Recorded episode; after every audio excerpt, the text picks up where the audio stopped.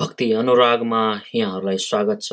आज हाम्रो यस श्रृङ्खलामा योनाको पुस्तक एक अध्यायकी तेह्रदेखि सत्र पदसम्म हामी हेर्नेछौँ।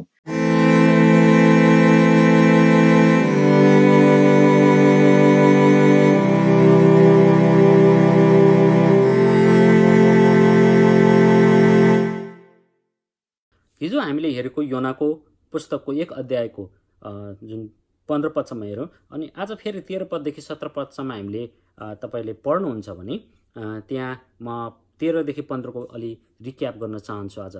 हिजो जस्तै तेह्र पदमा उनीहरूले योनालाई सकेसम्म उसको जीवन जोगाउँ। उनीहरूको आफ्नो मात्र होइन तर योनाको पनि जीवन जोगाउँ भनेर जति धेरै उनीहरूले कष्ट गरिकन आफ्नो अनुभवले भ्याएसम्म आफ्नो ज्ञानले समझले भ्याएसम्म उनीहरूले कोसिस गरे सुरक्षित तटमा आउनको लागि। तर त्यति धेरै चर्को गरिकन समुद्रका छाल उर्लेर आए। र उनीहरूको केही सिप नलागेपछि उनीहरूले परमप्रभुमा उनीहरूले हे सर्वोच्चका परमप्रभु यी मानिस निर्दोष मानिसको कारणले गर्दा हाम्रो हामी मर्न नपरोस्। उसको मृत्युको उसको रगतको दोष हामीमाथि नपरोस्। तपाईँले जे इच्छा गर्नुभएको थियो सो गर्नुभएको छ। त्यस कारणले गर्दा तपाईँले हामीलाई निर्दोष साबित गर्नुहोस् भनेर योनाले भने जस्तै योनालाई उनीहरूले उचालेर पानीभित्र फालिदिन्छन् र पानीमा राखि समुद्रमा फालिदिइसके पछाडि पानी शान्त भएको छ। त्यहाँ कुनै पनि किसिमका जुन पहिला भएका छालहरू अनि जुन स्टोर्म आँधी चाहिँ रोकिएको छ। र तत्पश्चातै माछा आउँछन् अनि योनालाई तिन दिन तिन रातसम्म उसले निलेर आफ्नो गर्भमा पेटमा राख्छन्। तर यो जुन गैर यहुदीहरूले नाविकहरूले परमप्रभुको भय मानेर परमप्रभुलाई उनीहरूले आराधना गर्छन् र त्यस पछाडि उनीहरूले भाकल गर्दछन्। र यसै विषयमा केन्द्रित रहेर हामी केही कुराहरू हामी हेर्न चाहन्छौँ। अनि रिक्यापकै अन्तर्गतमा म तपाईँहरूलाई पहिलो बुँदा महत्त्वपूर्ण बुँदा भन्न चाहन्छु। जब परम प्रभुको योजना छ हाम्रो जीवनमा तर त्यो योजनालाई हामी बिथोल्न खोज्छौँ आफ्नै बुद्धिले ज्ञानले आफ्नो सामर्थ्यले भने त्यसले कहिले पनि हामीलाई फलो गर्दैन। सो जब हामी यो यो यो यो नाविकहरूको जीवनमा पनि हामी हेर्छौँ भने के भयो भन्दा जति उनीहरूले खियाउनु कोसिस गरे नि उनीहरू त पानीमा धेरै समय बिताएका आफ्नो पेसा नै पानी खियाउने जहाज खियाउनेहरू यिनीहरूको। त्यस कारणले यिनीहरूलाई थाहा छ कसा कता घुमाउनु पर्ने के गर्नुपर्ने अनि आँधी परबाट आउँदैछ भने पनि लाउँदैछ भन्ने कुराको आकाश हेरेर यिनीहरू थाहा गर्ने मानिसहरू। तर उनीहरूले चाहिँ त्यो बेलामा जति आफ्नो सक्दो सामर्थ्यले बुद्धिले अनुभवले भ्यासम्म यिनीहरूले कोसिस गरे सुरक्षित रहनका लागि जहाजलाई सुरक्षित तवरले चाहिँ छेउमा ल्याउनका लागि तर उनीहरूले सकेनन् झन् पानी चर्को चर्को भयो। त्यस कारणले गर्दा पहिलो लेसन हाम्रो लागि पहिलो पाठ भनेको यो going against God's plan never end up well for anybody है परमेश्वरको योजनाको विरुद्धमा जाने मानिसहरू कसैको निम्ति पनि त्यो अन्त चाहिँ राम्रोसँग हुँदैन। उनीहरूको अन्त दुःख कष्ट नै हुन्छ।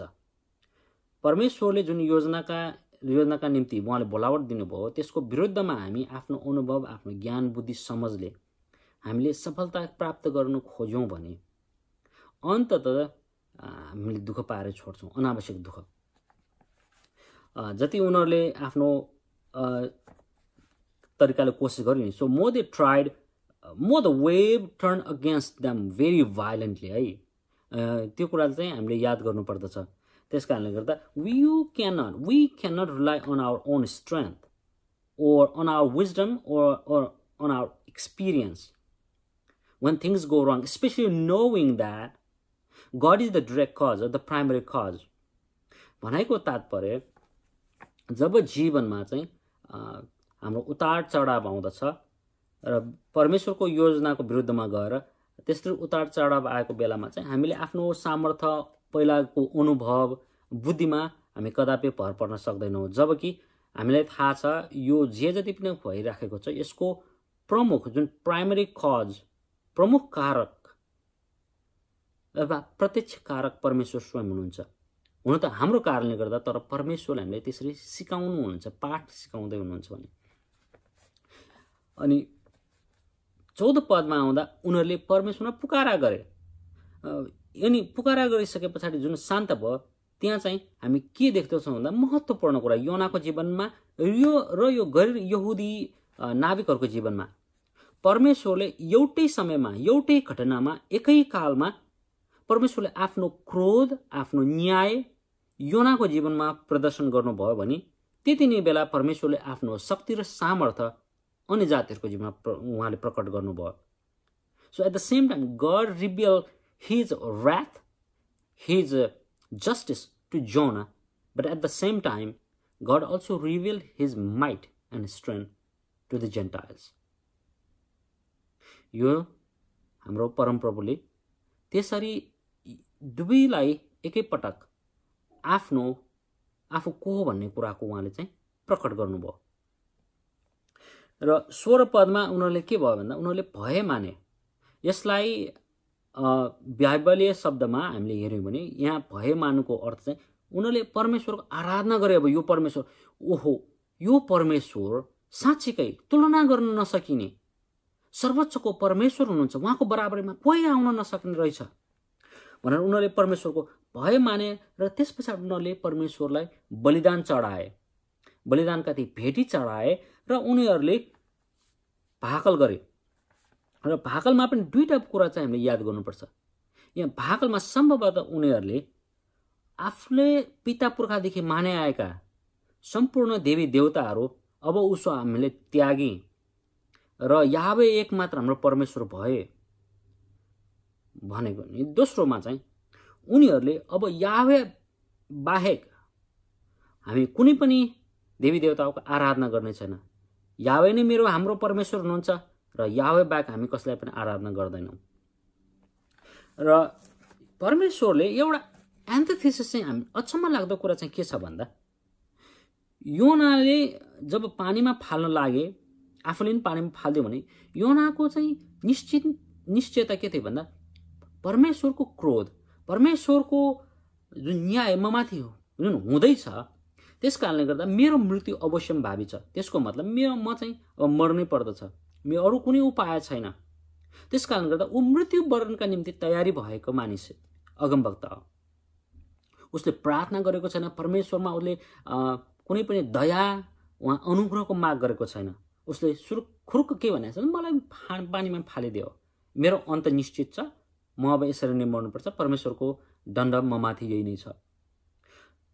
र यहाँ जुन गैर यहुदी नाविकहरूलाई हेऱ्यो भने यो हुनाले आफ्नो सुन्दै आएको चिनेको परमेश्वरलाई दिनुपर्ने सही आदर भाव महिमा र आराधना दिएनन् सम्मान दिएनन् भने यो परमप्रभुलाई नचिन्ने अहिले मात्र साक्षात्कार भएको यावेलाई चाहिँ गैर यहुदीहरूले यो नाविकहरूले दिनुपर्ने सही आदर भाव आराधना गरे उनीहरूले भए माने उनीहरूले बलि चढाए र उनीहरूले भाकल गरे।